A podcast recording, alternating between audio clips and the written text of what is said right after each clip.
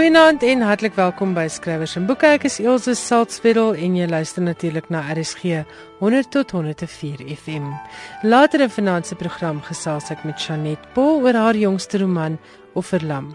Johan Meiburg is in die ateljee met internasionale boeke nuus en ek het by John King van Graffiti Linwood Bridge gaan hoor wat hy kan aanbeveel vir Kerskouse vir boekliefhebbers. Maar nou spring ons weg met professor Thys Iman van die Noordwes Universiteit se departement Afrikaans en hy gesels met Ingrid Winterbag oor haar jongste roman Vlakwater.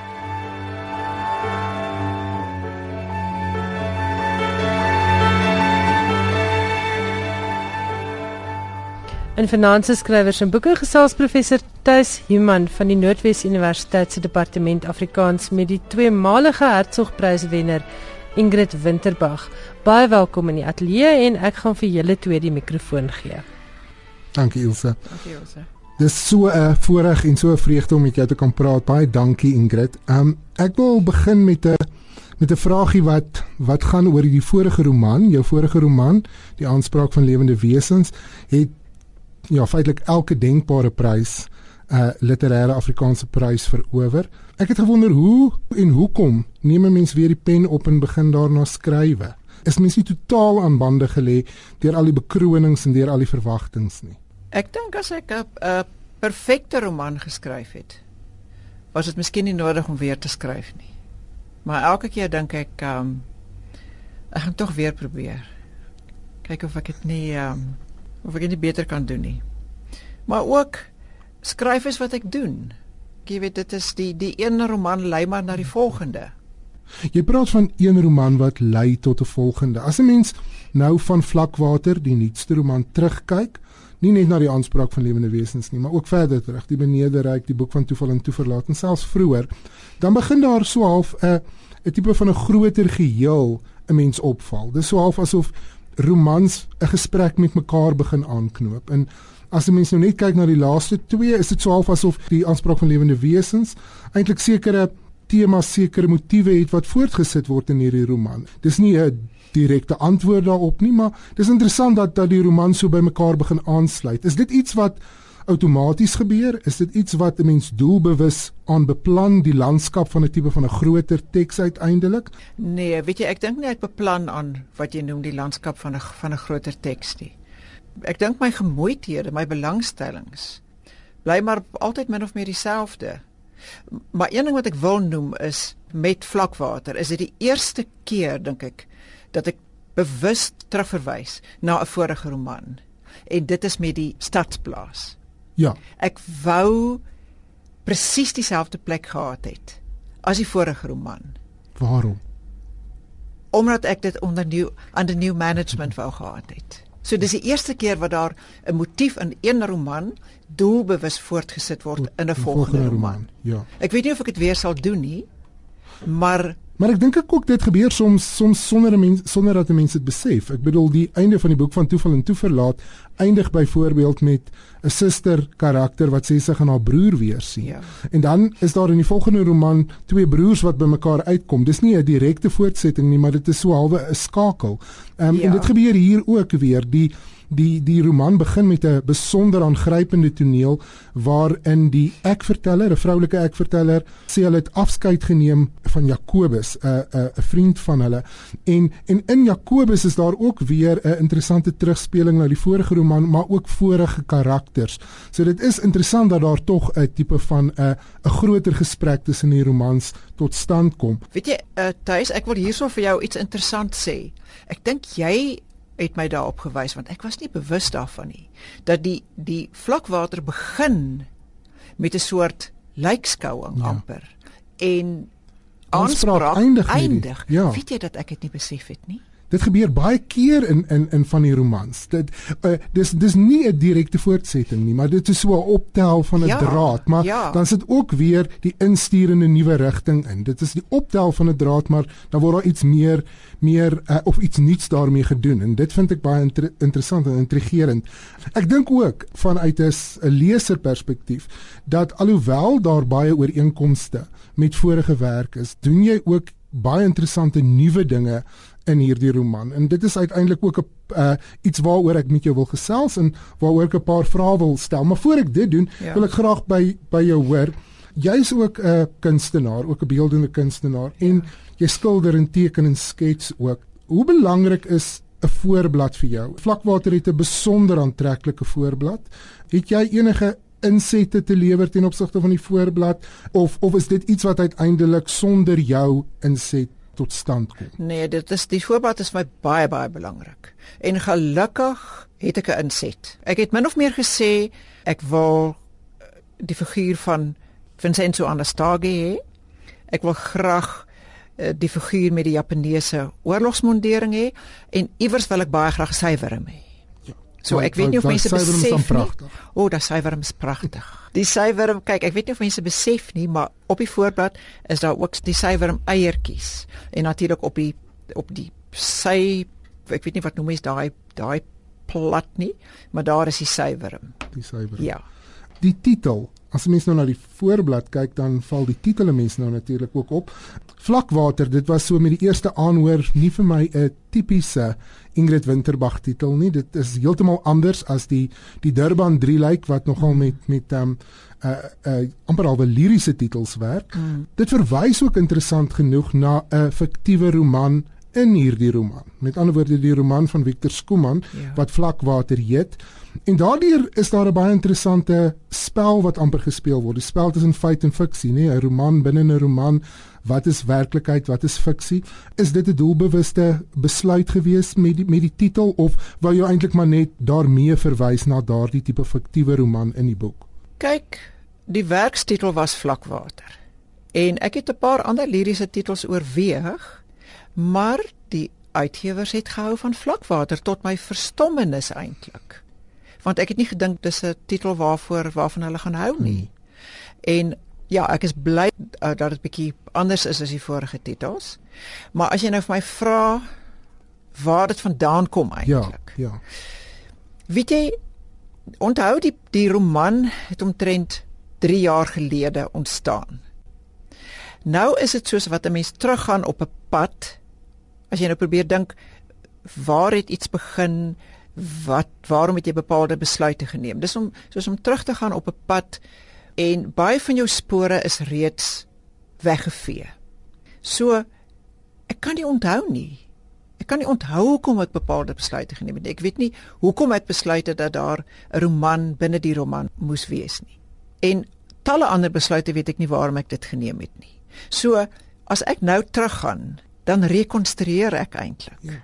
Vlakwater is natuurlik ook 'n 'n woord wat uiteindelik 'n ooreenkoms tussen jou roman of die roman en uiteindelik die fiktiewe roman in die roman uiteindelik signaleer. En daar's daar's opvallende ooreenkomste tussen die twee te bespreek en veral ten opsigte van die rol wat wat uh, geweld daarin speel. Op 'n stadium word Victor Skooman se vlakwater beskryf as 'n litanie van van geweld en gewelddadighede, 'n 'n boek met 'n verskriklike interessante konsepsie. Nou 'n mens wil nou nie sê dat dit noodwendig ook die vlakwater van Ingrid Winterbag is nie, maar daar's tog iets soortgelyk daaraan. Is die titel 'n aanduiding dat 'n mens uiteindelik nou hierdie slegs as fiksie moet beskou of word daardie grens tussen feit en fiksie, veral tussen die die sosiale werklikheid in Suid-Afrika uiteindelik ook hierdeur gesignaleer? Weet jy, tuis ek dink dat daar eintlik bitter min ooreenkomste is tussen my Ingrid Winterbag se roman Vlakwater en Victor Skooman se roman. Want ek dink miskien is die Vlakwater in Vlakwater. Die roman wat ek eintlik sou wou skryf. So 'n litanie van verdorwenhede. Ek kan dit nie doen nie. Nee, jy het dit gedoen. Ek het dit nie gedoen nie. Absoluut. Nee, nee, ek het dit nie gedoen nie. Ek dink daai Vlakwater gaan baie baie baie verder as wat ek in my roman gaan. Maar dit, dit is 'n soort Dis regtig 'n soort roman wat ek sou wou skryf. Jy praat oor so 'n waansinnige gewelddadige Ja, dit moes eintlik dit moes eintlik 'n baie ekstreme boek wees. En ek dink nie dat ek dit dat ek dit in my eie boek kan doen. Maar daar's definitief elemente daarvan. Ag, daar is seker elemente. Ja, maar dit is baie mak, dit is baie vlak vergeleke met die vlakwater. Sommige nou so as 'n 'n nota aan die kant Victor Skuman het begin werk aan 'n aan 'n drieluik. Ja. En die eerste titel was Diepwater en die tweede een was Vlakwater. Het jy enige idee wat die derde titel sou wees? Ja, dit sou wees Donkerwater. O, Donkerwater. Ja. Staan dit in die roman? Het ek dit misgelees? Ek dink dit staan iewers in die roman. Is dit? Ja. Gaan hy nie na 'n plaas O, dis reg. Hy gaan na die Dis plaas reg, Donkerwater. Ja, dis reg. Ja. Ja. Hy gaan na die plaas Donkerwater. Ja. So dit sou die derde Dit titel sou, ja. gewees het. Ja. Ehm um, dis iets wat my nogal nogal ehm um, laat dink het. Uh jy praat oor die boek wat jy graag sou wou skryf. Jy's nie net skrywer nie. Ek weet wanneer 'n mens met jou praat, is jy ook iemand wat altyd 'n aanduiding gee van waarmee jy besig is wat leeswerk betref. Jy lees uitgebrei, jy lees plaaslike skrywers, jy lees internasionale skrywers. Is jou skryfwerk, ek bedoel jy's ook verwysings na van hierdie skrywers in jou roman soos Nabulano byvoorbeeld en so aan. Is daar is daar 'n doelbewuste gesprek wat jy soms in jou skryfwerk met van hierdie skrywers, iemand so James Coetzee byvoorbeeld, aanknoop of is dit maar iets wat uiteindelik so half na die tyd gerekonstrueer kan word? Weet jy, ek kan nou aan een spesifieke voorbeeld dink. Toe ek die boek van toeval en toeval ges toeverlaat geskryf het, in 'n stadium sit Sof en Helena Verbloem. Ek dink hulle sit langs die see. Sien, hulle sit langs die see, ja.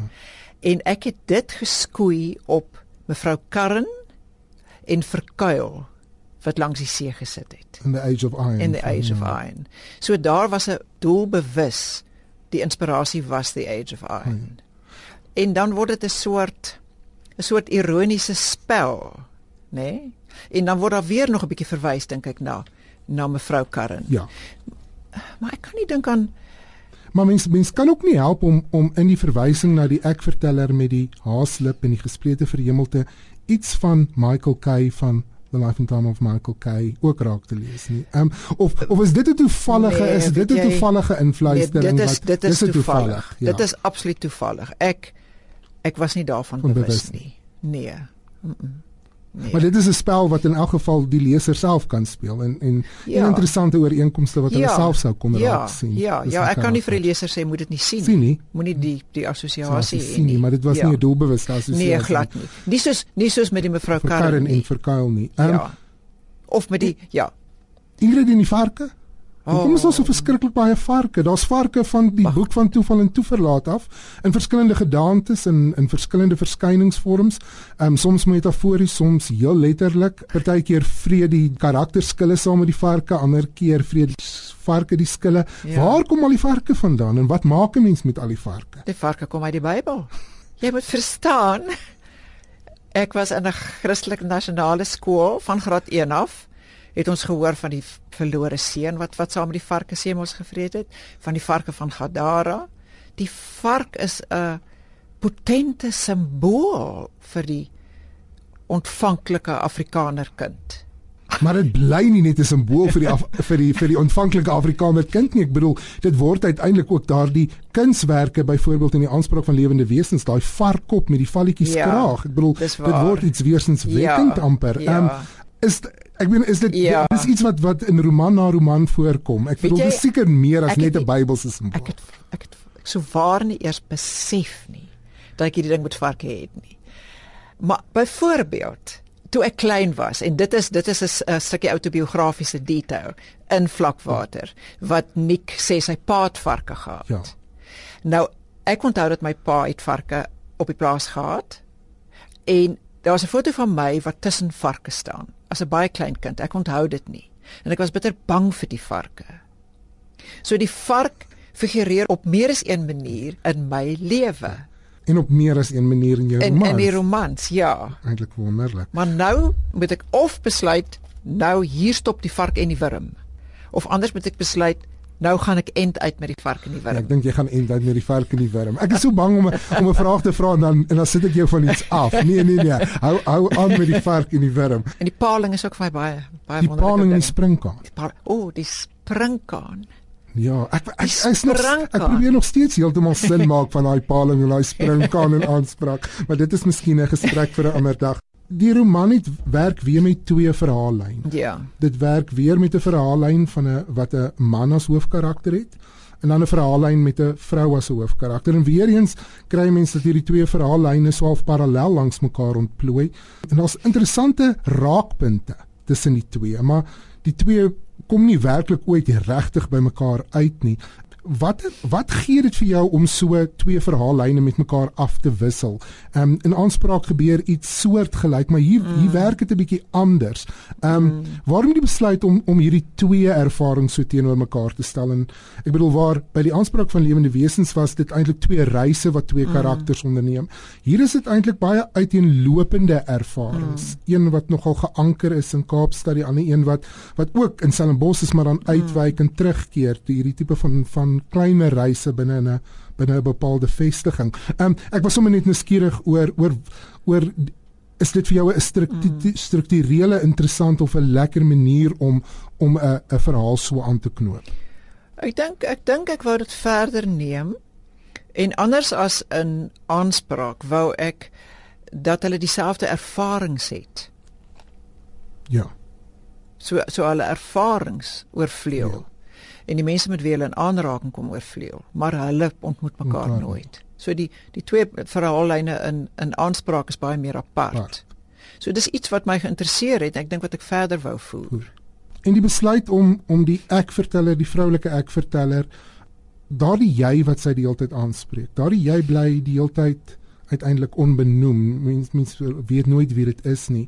Dit was vir my iets wat my verskriklik aangegryp en geïntrigeer het. Uh want al die ander karakters word so duidelik benoem so op naam en mm, van. Ehm mm. um, waarom die besluit om dit so so vaag te hou? Mm, kyk sy die die ek verteller het ook nie 'n naam nie. Nee, sy het ook nie 'n naam. So dit jy... is 'n soort ehm um, ja, die die so het albei nie name nie. Ag, dit is maar 'n uh, dis maar dis maar 'n dis spel. Weer eens weet ek nie hoekom ek teruggegaan het. Hoekom ek so dit so gedoen het nie.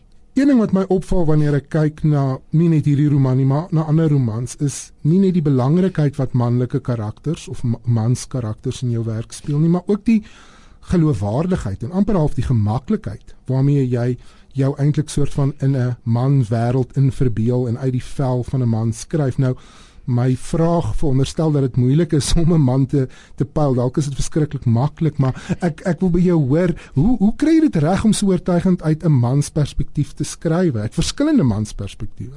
Jong, jy weet ek hou mans daar al lank dop. op 'n manier is dit amper moeiliker om uit 'n vroue perspektief te skryf want dit is nader aan my, ja. aan myself.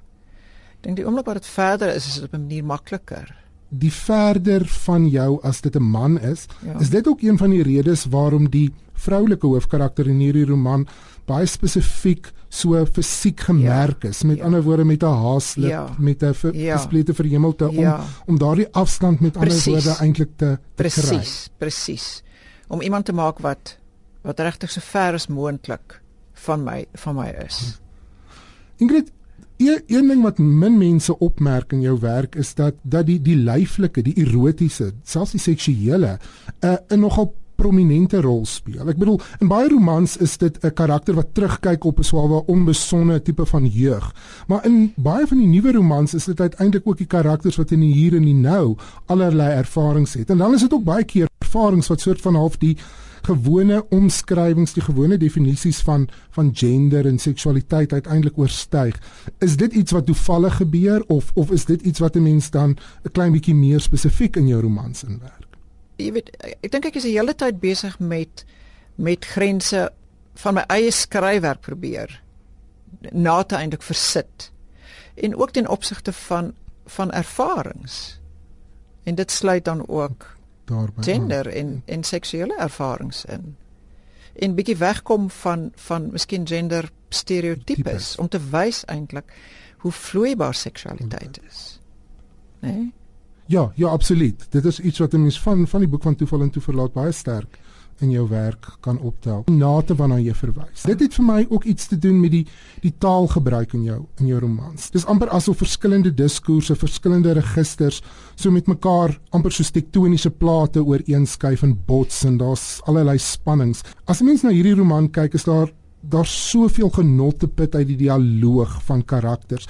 Hoe kom jy op daardie dialoog vir jou karakters? Luister jy mense af? Want dit is aan die een kant so uiters uniek. 'n Mens mens verkneukel jou daarin en aan die ander kant is dit so uiters herkenbaar. Ek luister ek luister na wat mense sê. Ek sê ja, ek dink ehm um, dis tog belangrik dat karakters onderskei word deur die maniere waarop hulle praat. Hulle moet anders praat. Ja. Jy kan nie net 'n soort een eenvormige manier waarop almal praat nie. So hy probeer tekstuur en variasie kry in hoe mense praat. En die gebruik van Engels en en vloekwoorde, ek meen wat wat is jou wat is jou antwoord op mense wat sê, "Sjoe, maar die karakters vloek dan vreeslik en hulle praat eintlik nogal lelikerig soms."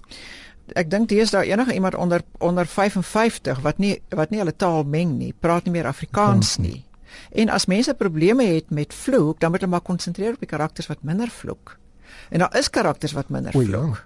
En daar is ook minder periferale karakters. Ek bedoel, uh, Martinus Skeepers is byvoorbeeld so 'n ankerde soliede karakter. So 'n uh, amper amper te goed om waar te wees mens. Ek bedoel dis 'n wonderlike karakter ja. Hy vloek ooit nie. Nee, hy vloek nie. En en en Victor Skuman praat pragtig suiwer Afrikaans want hy was so lank in die buiteland. ja, absoluut. Ingrid baie baie dankie dat ons oor jou roman kon gesels. Daar's nog soveel aspekte waaroor 'n mens sou kon gesels, maar dit was 'n groot voorreg. Baie dankie. Dankie vir jou tuis. Professor Thys Himan van die Noordwes Universiteit het gesels met Ingrid Winterbag. Vlakwater kos R250 en word uitgegee deur Himan en Resou. Welkom in die ateljee Johan Meiburg. Jy het hierdie week 'n lekker hitspot Ernest Hemingway het ek daar op jou lysie gesien en Alice, is dit dan nou Alice in Wonderland? Dis inderdaad Alice in Wonderland. Ja. Maar ons begin met Ernest Hemingway. 'n Boek wat in 1964 na Ernest Hemingway se dood in 1961 gepubliseer is, is nou 50 jaar later die topverkoper in Parys. Die Franse vertaling van Hemingway se boek A Movable Feast het kort na die terreuraanvalle in die Franse hoofstad so gewild geraak dat die uitgewer kwale kan voorbly met bestellings. Direk vertaal beteken die titel van die Franse weergawe iets soos Parys is 'n fees. Volgens die Franse uitgewer Folio het verkope gestyg van 10 tot 15 eksemplare per dag na 500 eksemplare per dag. En talle boekwinkels het kennisgewings op dat die boek uitverkoop het. Then there was the bad weather. Dis die eerste sin in die memoir oor Hemingway se ervaring van Parys in die 1920s. All of the sadness of the city came suddenly with the first cold rains of winter. Miskien is dit juis die toonaard waarin die boek begin wat Parysenaars so aangetrek het toe hulle in die yskoue grou Parys moes kom oor die skok van die aanvalle waarin 129 mense op verskeie plekke in die stad op 13 November dood is. Hemingway het in die einde van sy lewe die terugblik op Parys met vriende soos Scott en Zelda Fitzgerald en James Joyce geskryf. Vroeger vanjaar, net na die aanval op die kantoor van Charlie Hebdo in Parys, was Voltaire se verhandeling oor verdraagsaamheid wat dateer van 1763, die topverkoper in Parys. En nou is Parys na die aanvalle alermins 'n fees. Maar Hemingway se onsterflike woorde het die mense in die stad steeds besiel. If you're lucky enough to have lived in Paris as a young man, then wherever you go for the rest of your life, it stays with you, for Paris is a movable feast. Dankie Johan. Dit maak vir my sin dat 'n mens teruggryp na iets moois in sulke treurige en ook terselfdertyd vreesaanjaende tye en wat is dan nou beter as 'n boek? Ek dink die meeste van ons lees om te ontsnap van die wêrelde waarin ons ons bevind. Dankie vir daai brokkie. Die Palestynse digter en kunskurator Ashraf Fayyad is die doodstraf opgelê deur 'n hof in Saudi-Arabië vir sy verwerping van Islam. Die 35-jarige Fayyad, 'n lid van die Brit-Saudi kunsorganisasie Edge of Arabia, is in 2013 in hegtenis geneem en toe tronkstraf van 4 jaar en 800 houe opgelê. Hy het teen die uitspraak geappeleer en sy saak het verlede maand voorgekom. Die vonnis is verander na doodstraf. Fayat word daarvan beskuldig dat hy ateïsme en godslastering in sy verse propageer. Volgens die Britse The Guardian het Fayat gesê hy is 'n getroue moslim en dat sy verse nie godslasterlik is nie. Volgens die koerant bestaan die opvatting dat die owerheid Fayat wil terugkry vir 'n video wat hy die wêreld ingestuur het van godsdienstpolisie wat 'n man in die openbaar met 'n sweep slaan. Fayat se bundel verse, vertaal as Instructions Within, wat in 2008 verskyn het, word volgens die koerant nou deur godsdienstige ekstremiste geïnterpreteer as godslasterlik. Fayyad het kontemporêre kuns van Saudi-Arabië aan die tyd Modern in Londen bekend gestel en was in 2013 kurator van 'n groot uitstalling in Jeddah en mede-kurator van 'n uitstalling op die 55ste Fenisiese Biennaal. Volgens 'n woordvoerder van Human Rights Watch in die Midde-Ooste, dui Fayyad se doodstraf op Saudi-Arabië se en ek haal aan algehele onverdraagsaamheid teens enige iemand wat nie die owerheid se godsdienstige, politieke of sosiale perspektief deel nie. Weet jy Johan, die onverdraagsaamheid is vir my absoluut verskriklik en dat jy iemand daaroor te ter dood kan veroordeel is iets wat ons nie oor mag stil bly nie en iets wat die buitewêreld hopelik oor sal ingryp. En wat die mense net soos wat die Franse teruggegaan het na na Voltaire, ehm um, net net hoe wat maak mense met onverdraagsaamheid? Maar as jy hele lot goed daaraan gekoppel mag jy onverdraagsaam wees teenoor teenoor onverdraagsaames. Maar maar die maar die gesprek daaroor dink ek is baie nodig. Dit is verskriklik belangrik en dit is regtig vir my hartseer want dit is 2015 hierdie is vir my so half primitief. Hierdie hele opvatting dat mense se monde gesnoer moet word. Wat volgende alles? Dis nou daar dan nou. Alice the British Museum in Londen bied tot April uitstalling aan om saam te val met die 150ste verjaardag van Alice in Wonderland. Die boek van Lewis Carroll wat in 1865 verskyn het, is gewis een van die boeke wat deur die jare kinders en volwassenes se verbeelding aangegryp het en hulle ingelei het in 'n wêreld van pyprokende ruspes, tee drinkende hase en 'n gemeene koningin van harte. Die British Museum se uitstalling sluit nie net die oorspronklike manuskrip en illustrasies in nie, maar ook die illustrasies van mense soos John Tenniel, Mervyn Peake en Salvador Dali. Charles Hodgson, die man agter die skrywersnaam Lewis Carroll, het die verhale van die wonderwêreld vir die little kinders van Oxford vertel. En dit was die 10-jarige Alice wat aangedring het dat hy dit moet opskryf. Hy het noukeurig met die hand die verhaal opgeskryf met 37 illustrasies in die boek van 90 bladsye opgedra aan 'n liewe kind ter nagedagtenis aan 'n somersdag. Op aandrang van vriende het Dodgen die verhaal oorgeskryf en aangevul, sommige van die private verwysings uitgehaal en nuwe hoofstukke bygevoeg. En is in 1865 uitgegee met die illustrasies van John Tenniel. Jare later was Alice Liddell genoodsaak om haar waardevolle manuskrip op 'n veiling van die hand te sit. Dis deur 'n Amerikaanse versamelaar gekoop en die manuskrip het in 1948 teruggekom Engeland toe toe dit geskenk is aan die British Library. Ter viering van Alice in Wonderland se verjaardag het Macmillan 'n webwerf opgestel met heelwat agtergrond oor Alice, die verhaal en die verskillende uitgawes. Een van die gesprekspunte is die kleur van Alice se rok in die illustrasies. Was dit dan nou rooi, geel of blou? Wat was die kleur wat Louis Carroll in gedagte gehad het? Vir die antwoord op die en ander vrae kan luisteraars gerus gaan loer by www.aliceinwonderland150.com. Ek wonder hoeveel boeke, hoeveel uitgawes is gedruk deur die afgelope 150 jaar. Daar's 'n hele rits. Daar is ehm um, daar is meer as wat 'n mens kan dink. En in hoeveel tale? Dit dit moet verbuisterend wees die hoeveelhede van hierdie storie wat verkoop is. Want dit is net oral. Ja. Johan baie dankie. Dit was interessant. Ek gesels met Janet Paul. Ons praat oor haar 41ste boek in 21 jaar, Offerlam, en dit is jou 11de spanningsroman. Werklik 'n baie lekker leesboek wat afspeel oor twee kontinente. Dit is België, Belgiese Kongo van 1961 en hedendaagse Suid-Afrika. Hoe het die idee ontstaan om 'n boek met 'n baie sterk Belgiese agtergrond te skryf?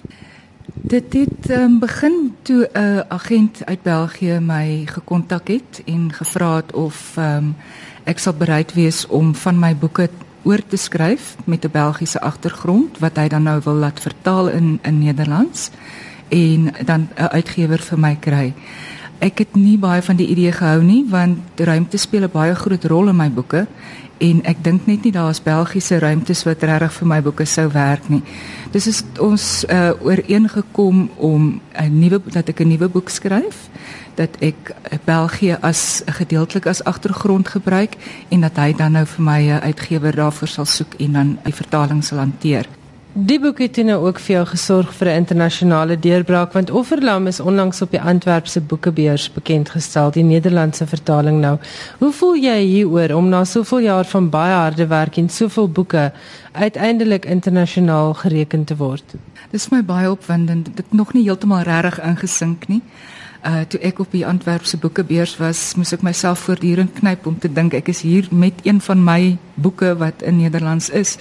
So ja, dis baie opwindend. Dit voel soos erkenning en dit gee ook nou natuurlik ook vir my 'n baie breër gehoor wat vir my heerlik is en die terugvoer wat ek tot dusver kry is baie goed. So ek hoop die Belgiese mense en die Nederlandse mense geniet die boek. Hulle is besig om Offerlam ook in Engels te vertaal. Is dit nou vir die plaaslike mark of vir die internasionale Engelse mark? Aanvanklik sal dit net vir die um, Afrikaanse mark wees, maar uh, ons wil dit natuurlik ook wanneer 'n mens in Engels vertaal, moet jy begryp dat dit die brontaal sal wees vir enige ander verdere vertaling. So in daardie opsig is dit wonderlik dat 'n mens dan nou die boek in 'n in 'n taal het wat um, in ander tale kan vertaal word. Maar dit natuurlik gaan dit wonderlik wees as ons 'n uh, internasionale uitgewer kan kry in Amerika of Engeland of waar ook al. So ons hoop uh, dit gaan gebeur. Janet Offerlam is 'n baie indrukwekkende boek. Dit speel af oor twee kontinente soos ek gesê daar's vier baie interessante hoofkarakters. Die hoofkarakter is Cas Coulain, sy is 'n Suid-Afrikaanse vertaler, ironies genoeg. Dan is daar 'n uh, Belgiese professor, Luc Dereux, 'n ou dame van 82 wat in België woon op die oomblik Ami, maar sy het bande met die Belgiese Kongo van die 1960s en vroeër. En dan is daar 'n hedendaagse Kongolese man, Irevo. So baie komplekse plot wil ek nou sê, maar dis ook 'n wonderlike wonderlike oorspronklike verhaal wat vir my baie geleer het van kolonialisme, van die nagevolge daarvan, uh magsig, hebsig, die ewige ewige gevegte om geld. Jy bring bloeddiamante basies in by die storie. Jy bring Afrika artefakte in by die storie. Waar het jy aan hierdie idee gekom? Ek begin nooit met die hele storie nie. Ek bedoel die die storie ontwikkel van self. Die karakters weerspieël eintlik die ruimtes waarin die verhaal afspeel. Uh Cas die Suid-Afrikaner, Luke die die Belg en dan nou Ami die inwoner van die Belgiese Kongo en Irevo wat um, in hedendaagse Kongo bly.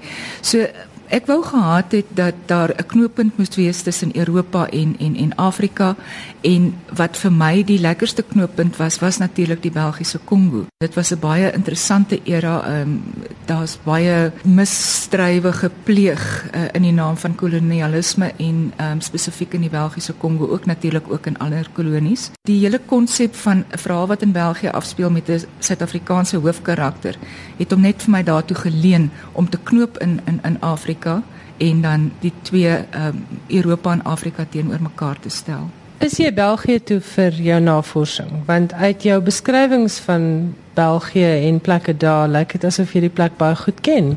Ek was vir 'n maand daar. Ek het my skoensole dun geloop daar. Ek het die hele land en sy mense sy geure alles probeer inneem uh, en net voel voel dit hoe, hoe klink Belge, hoe praat hulle, ehm um, hoe voel die atmosfeer in die verskillende stede en dit is nogal vir my interessant dat elke stad het vir my amper 'n ander ander gevoel, 'n ander ambiance. Leuwe en en en Gent is albei universiteitsstede, maar hulle gevoel is heeltemal anders. Gent het hierdie ontspanne gevoel terwyl ehm um, Leuwe nou weer heeltemal ehm um, meer strakker strakker is. Ek het geweldig baie gaan rondloop en en inneem en absorbeer. Dit was vir my essensieel as ek 'n ding 'n 'n storie wil laat afspeel in in België dat ek regtig gaan weet waarvan ek praat wanneer ek die boek skryf. En was jy Kongo toe? Ongelukkig nie. Ek ek het dit oorweeg maar ek is afgeraai onder andere oor die Ebola virus, maar ook ek is verskriklik sterk afgeraai om as vrou alleen daarheen te gaan. Ek verstaan die uh, vervoerstelsel daarso is is uh, daar's baie groot probleme met paaie en en so aan. So dit was ehm um, nie vir my moontlik om te gaan nie, maar ek het geweldig baie daaroor opgelees. Ek het fiksie gelees wat gaan oor wat afspeel in die Belgiese Kongo, uh ook in hedendaagse Kongo. Ek het um, nie fiksie gelees oor die rebelle groepe daar en dan het ek natuurlik op die internet gaan kyk. Ek het oral op YouTube gaan um, filmpies bekyk. Ek het baie navorsing gedoen op enige ander manier wat ek kon. Ek wil praat oor hierdie genre wat jy so goed bemeester het en ek wil vir jou vra in die eerste plek, hoe voel jy oor die etikette wat nog steeds omskrywers se nekke gehang word? Jy het bekend geraak as 'n romanse skrywer en later het jy die hand gewaag aan baie meer ingewikkelde genres. Voel jy dat mense jou nou al ernstig genoeg opneem as 'n spanningsverhaalskrywer? Ek dink daar is nog sekere mense, ehm um, nog heelwat mense wat dink ek ek skryf liefdesverhale. Ek dink dit het dalk te doen met die feit dat ek spanning met liefde vermeng. Die liefdesaspek word in my boeke al minder en minder. Ek weet nie hoekom nie. Ek het dit nie besluit nie, maar dit daar's al minder en minder van die liefdesaspek in my boeke. Ek konsentreer meer op die spanning. Maar uh, eh, liefde is vir my in elk geval altyd deel van die lewe. As jy oor mense skryf, gaan daar erns liefde inkom. Vir my is dit is dit belangrik om die hele eh, spektrum van van menswees aan te spreek en liefde is deel daarvan. Ja, ek moet vir die luisteraars sê in Offerlam is daar 'n baie baie klein element van romanse. Die res van die verhaal is werklik waar spanning uit die boonste rakke. Maar Offerlam is nou die eerste van 'n tweeluik en die volgende boek van die tweeluik verskyn volgende jaar. Vertel vir ons 'n bietjie van die opvolg. Ja, die opvolg se titel is Offerande Ons praat nou al van die offer 2 lyk. Die twee boeke sluit baie sterk tematies by mekaar aan, maar dit is natuurlik ook letterlike opvolg. Mens mens vind uit wat verder met Kers gebeur het. Maar die invalshoeke van die offer aspek is eintlik komplementerend en tog ook uh, verskillend. In in Offerlam skryf ek oor hoe mense bereid is om ander mense op te offer ter wille van hulle eie ideale of doelstellings of belange in offerlam is daar dan ook 'n paar mense, 'n paar van die karakters wat letterlik as offerlam geoffer word uh vir ander mense se doeleindes. In um offerhande kyk ek daarna vanuit 'n ander invalshoek. Dan kyk ek hoe ver mense bereid is om hulle self en hulle eie belange en hulle eie ideale op te offer ter wille van iemand vir wie hulle omgee en dat hulle self so ver sal gaan om bereid te wees om hulle lewe op te offer. So die die twee sluit by mekaar aan maar belig verskillende aspekte van offer. Jou karakters in jou boeke, jou hoofkarakters is feitelik deurgangs baie sterk vroulike karakters. Maar in al jou boeke is daar sterk manlike karakters. Ek dink nou byvoorbeeld aan Speurder Gys. Niemand. Luc de Ree is 'n valerige karakter maar 'n sterk mens.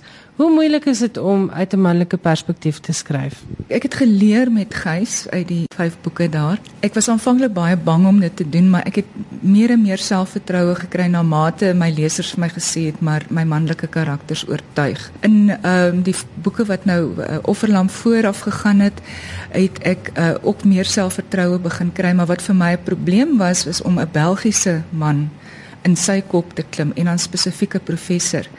En aanvanklik ook was die tonele waarin sy perspektief gebruik het was baie kort want ek kon net vir kort rukkies in sy kop inkom. Maar na mate ek hom beter leer ken het kon sy perspektiefbeurte of die tonele waar sy perspektief gebruik word kon dan nou langer word en ek het hom later so goed verstaan dat ek ek gaan amper reguit in sy kop en ek hoef nie eers nou mooi weer te dink nie. Hy het uit vir my ek het ek het baie mal geraak oor hom. Ek ek is eintlik uit my hart uit lief vir die man. Hy ehm uh, hy dink hy's 'n vervelige man, maar vir my was hy eintlik 'n komplekse persoon. Hierdie boek speel af in verskillende eras. Ons het gepraat van die Belgiese Kongo van die 1960s. Jy verwys ook na die Suid-Afrika van dieselfde tyd die 1960s. Dan is daar die hedendaagse België en Suid-Afrika. Jy verwys byvoorbeeld na misdaad in Suid-Afrika en jy raak aan baie uiteenlopende lewens hierso. Jy praat van vier karakters, verskillende agtergronde, nie net wat kultuur betref nie, maar ook wat land betref. Hoe hou mens die drade bymekaar met soveel uiteenlopende dinge binne een verhaal? Ilse die die karakters word vir my baie lewendig. Uh, wanneer ek 'n storie begin skryf, dan voel dit vir my asof ek in hulle dimensie inbeweeg. 'n uh, Dimensie wat wat wat uh, met sy eie dinamika en daardie dinamika word deur hierdie uh, karakters geskep en ek staan binne in hierdie uh, dinamika as waarnemer. So ek het nie moeite om tred te hou met wie en wat my karakters is nie. Ek leer hulle ken en ek leer hulle uh, al beter ken hoe verder ek skryf. En ek verstaan hulle uiteindelik so goed dat dat dit nie vir my moeilik is om om te probeer onderskei wie wat en hoe nie. Uh selfs my neuwe karakters, daar is die versorger van Amelieve ek het ek weet wie Liewe is. Ek verstaan waar sy vandaan kom. Daar kom nie baie daarvan uit in die boek nie, maar ek weet wie sy is en ek weet hoe dit by haar huis is wat um, nie belangrik is vir die boek nie, maar ek ek gaan ek klim regtig in die koppe van my karakters in. En wanneer ek oor hulle skryf of deur hulle oë kyk, dan word ek daardie karakter. Maar wat ek wel moet doen is ek moet altyd tred hou met wie doen wat wanneer en in daardie tyd fuck wat het gebeur in die land waar hulle tuis is of waar die gebeure afspeel. Dis stel ek vir myself 'n 'n kolom op met karakters in die boonste kolom en dan um, af is dit datums en dan vul ek in by elke jaar en partykeer as dit na, nou nader aan die aan die hede kom by elke dag en selfs elke uur waar watter karakter waar is en ek het byvoorbeeld met Offerlam het ek begin in um, 1917 toe Ami gebore is. So dis 'n hele klompie jare om van daar af te kom tot by die hede. Maar ek doen dan ook ek vul dan ook in wat die belangrikste politieke gebeure en geskiedkundige gebeure was van daardie spesifieke jaar of daardie spesifieke era. So ehm um, as ek bietjie begin wonder, dan kan ek altyd teruggaan na my tabelle. Dit dit maak dit vir my makliker die stand van spanningsromans in Afrikaans spanningsverhale. Is jy opgewonde daaroor? Hoe sien jy dit? Ek is verskriklik opgewonde en ek is verskriklik trots op die die nuwe ontwikkeling van die van die uh, ontspanningsfiksie, die opbloei daarvan. Ons het uitstekende nuwe skrywers en ons ontdek feitelik maandeliks nog baie goeie skrywers. Ek dink ons het wêreldklas skrywers. Ek dink ons is in die ons het genoeg goeie skrywers en genoeg genoeg goeie boeke dat as ons meer en meer internasionale deurbrake kan maak, kan ons doen wat die Skandinawiërs gedoen het, waar almal nou weet van Skandinawië. Almal weet van hierdie bleek agtergrond en hoe die Skandinawiese skrywers hulle eie ruimte gebruik uh, vir hulle verhale. Ek glo ons kan dit doen in Suid-Afrika ook. Afrikaanse en Engelse fiksie dink ek kan die nuwe Skandinawiese lande word. Janet baie geluk met Offerlam. Ek hoop hy vlieg van die rakke af. Ek glo jy gaan 'n klomp nuwe aanhangers wen met hierdie boek. Ons gesels hopelik volgende jaar dan oor Offerhande. Baie dankie. Baie dankie Elsje, dit was heerlik om hier te wees. Dit was die stem van Janet Paul. Ons het gesels oor haar splinternuwe roman Offerlam. Dit word uitgegee deur Lapa en kos R239 en ek sal dit aanbeveel vir enigiemand wat hou van 'n lekker spanningsroman.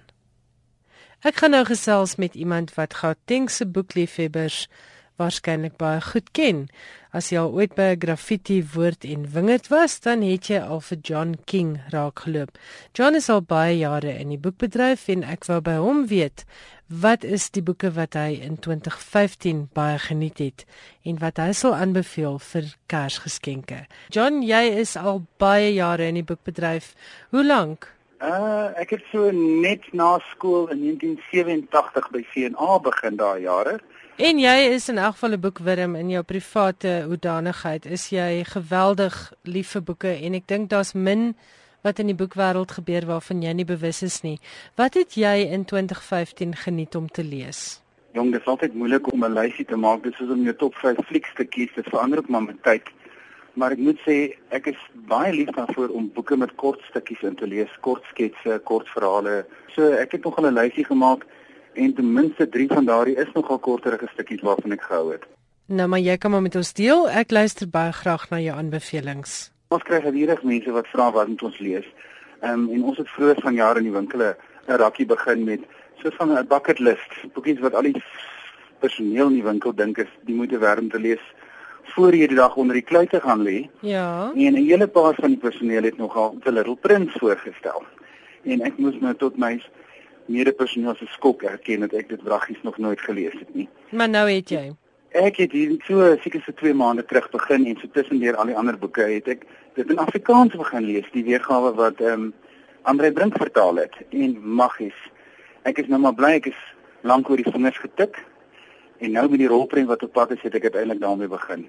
En dis 'n boek vir alle ouderdomme, né? 'n Kind sal dit verstaan, maar dis eintlik 'n boek vir groot mense. Weet jy, dit is beslis nie die beste boek wat ek ooit gelees het nie, maar maggies. Dit is 'n wonderlike boek. Dit is regtig ek dink as jy 'n kind het, jy gaan jouself daarin sien. As jy 'n volwassene is, jy gaan ietsie daai kry wat vir jou ietsie beteken. Dit is vir mans, dit is vir vrouens. Dit is 'n bietjie geskiedenis. Ag, dit is 'n heerlike fantasie en dit dit is waarvan ek hou. En dit het natuurlik die wonderlikste illustrasies in. Dit is regtig waar een van die wat ek spyt is dat ek nie vroeër gelees het nie. Nog nie vroeër gelees het toe ek nog heel wat jonger was nie. So dit is die die klein prinsie. Jy sê jy het die Andre P Brink vertaling gelees, maar dit is ook beskikbaar in Engels. Ja, dit is beslis beskikbaar in Engels, ja. En volgende op jou leeslys. Weet jy 'n boekie wat verlede jaar laat uitgekom het en wat ek eers vroeër van dese jaar gelees het is Eat, Drink and Blame the Ancestors van Dumisa Ngube. Hy het vir baie lank 'n kolomme in die Sunday Times geskryf en hierdie was nou die beste van die kolomme van die laaste 3 na 5 jaar. Dis seker van die snaakste kort stukkies wat ek hierdie jaar gelees het, maar altyd met 'n ongelooflike menslikheid. Daar's iets alles in van sy medemense, sy mymeringe oor sy voorvaders oor tuisgemaakte drank, sy kinders wat hy die terroriste noem, sy hond wat hy verloor het. Jy sal byvoorbeeld nooit weer na afval kyk en afval ruik na jy sy skets gelees het oor hoe daai reuk jou per vliegtuig selfs al die pad van Durban tot Johannesburg kan agtervolg nie. Die man is skriksnaaks en ek kan dit gerus aanbeveel. Ek dink dit is waarskynlik 'n bietjie meer vir mans. Ehm um, want hy skryf dit 'n baie sterk manlike oogpunt en regtig Ek het spyt dat ek nie van sy vorige boeke gelees het nie, maar beslis eenetjie wat ek altyd op my geskenklysie sal sit. Dis dan nou iets vir iemand wat wil lekker lag. Uh eat, drink and blame the ancestors deur Ndumiso Nkobo. Wat het jy nog vir ons, John? Jong, so ek sien so 3-4 maande terug het Penguin 'n nuwe boek van Koos Kombuis uitgereik met die naam Ver in die wêreld sushi. Ja. En ek was ook gelukkig om so maande wat terug by 'n konsert van hom met ons van die boeke verkoop. En wat 'n aangename man en wat 'n wonderlike skrywer. Weereens kort stukkies. Hierdie keer is dit baie sosiale, politieke kommentaar. Dis rubrieke, dis opiniestukke en dit was oral gewees in rapport en taalgenote kat en elektronies. Die man het 'n wonderlike satiriese blik op goed en hy onthou goed wat ek al lank al vergeet het. Weereens lekker kort stukkies. As jy dalk iemand het wat jy dink nie vreeslik lank sal stil sit met 'n lang roman nie, Hierdie is die ideale ding in Afrikaans en dit bring soveel van die geskiedenis, sy jonger dae, die musiekloopbaan, die digkuns, dit bring alles uit na vore. 'n Heerlike geskenk vir mans en vrouens en vir mense wat net wel lekker onthou van die vervloë dae. En deesdae is hy 'n natuurlike voorstedelike pa en het hy 'n splinte nuwe uitkyk op die lewe wat ek ook baie vermaaklik vind. Boek nommer 4 op jou leeslysie, John. Ek hou daarvan om baie nuwe fiksie op te lees en so 'n paar jaar terug het ek Tom Holland se Rubicon gelees. Ja. Dit het gegaan oor die val van die Romeinse ryk en geëindig met Julius Caesar se moord. Ja. En van jare het hy 'n vervolg uitgebring met die naam Dynasty. Ja. Dit gaan oor die regwaar seker smetterige geskiedenis van die eerste vyf Romeinse keisers, dis nou Augustus, Tiberius, Caligula, Claudius en en ons vriend Nero wat mos veel gespeel het terwyl Rome hom verbrand het. Het hy regtig of is daai 'n mite? Dit eh, weet jy daar is maar 'n bietjie van ek dink 'n polemiek of dit regtig gebeur het maar mense kan dit wraggies glo. Hierdie man wat geskiedenis is 'n roman afspeel. Dit voel amper soos 'n seepie want daar jy het alles van bloedskande, geweld, ehm um, die spektakel van hoe enigiets 'n spektakel gemaak word. Ehm um, mense is vergiftig, die pragt en die praal. Regtig waar, dit lees as 'n roman. Jy jy jy kry die geskiedenis word sommer so in jou, in jou brein ingeprop en jy besef dit nie eers nie. Ek geniet dit amper soos ek altyd hier maar hier maar jou vers lees. Jy leer, leer soveel, maar jy besef nooit jy leer eers nie. Regtig 'n boek wat ek kan aanbeveel.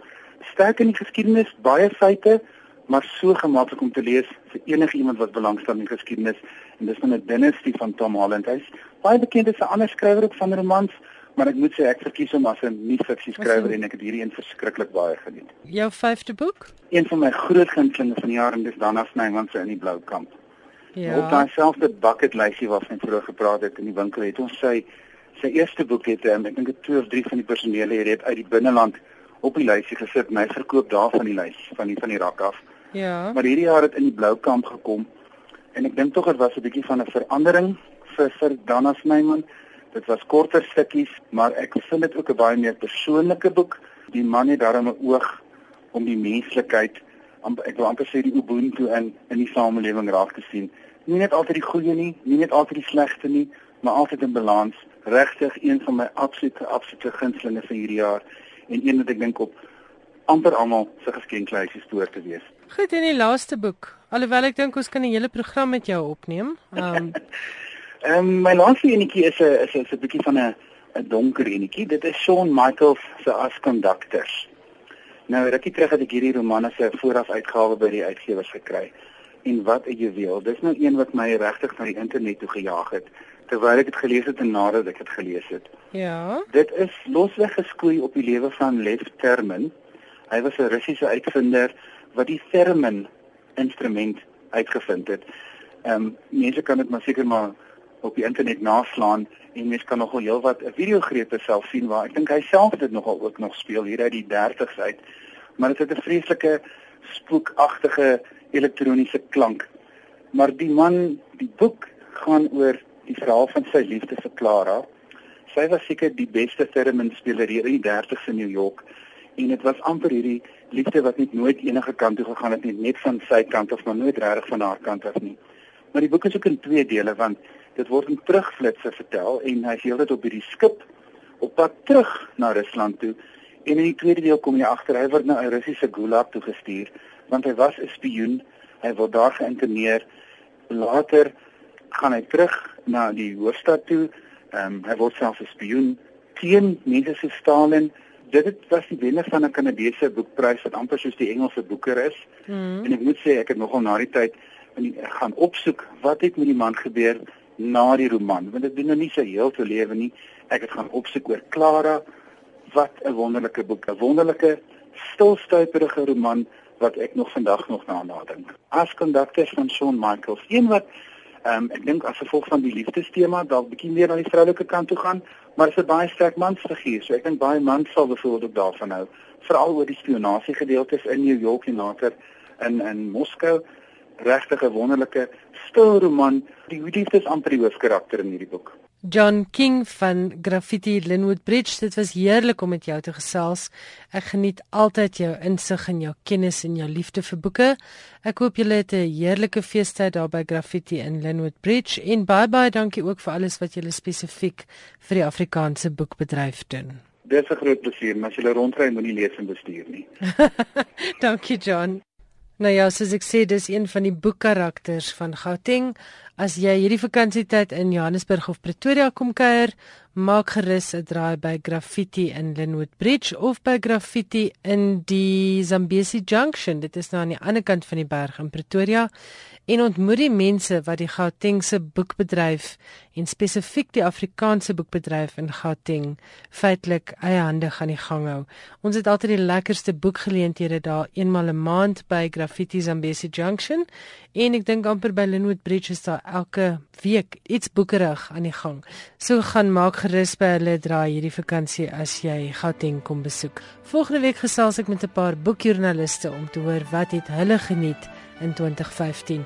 En wie weet dalk kry jy 'n paar baie lekker Kersgeskenk idees. Maak seker jy luister volgende week. Dis dan nou alwaar vir ek tyd het vanaand. Stuur 'n e-pos na skrywers of stuur 'n SMS na 34024. Elke SMS kos R1.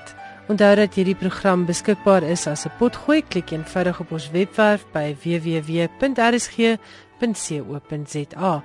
En onthou om vir die buitelandse besoekers wat jy dalk hierdie Kersfees gaan sien te vertel dat hulle deesdae kan saamluister na RSG net daar waar hulle is in die buiteland deur eenvoudig op ons webwerf te klik www.rsg.co.za en dan is daar baie maklike stappe om of die potgoeie van ons programme af te laai of na direkte stroming te luister via die webwerf En jy kan dit doen met jou selfoon of met jou skootrekenaar of tabletrekenaar. Jy kan deesdae ook saamluister op DStv audio kanaal 913. So onthou dit as jy die vakansie by die see is en dalk jou radio vergeet het. Vir die van julle wat ry hierdie vakansie, ry veilig, kom veilig terug. Ek groet tot volgende week. Totsiens.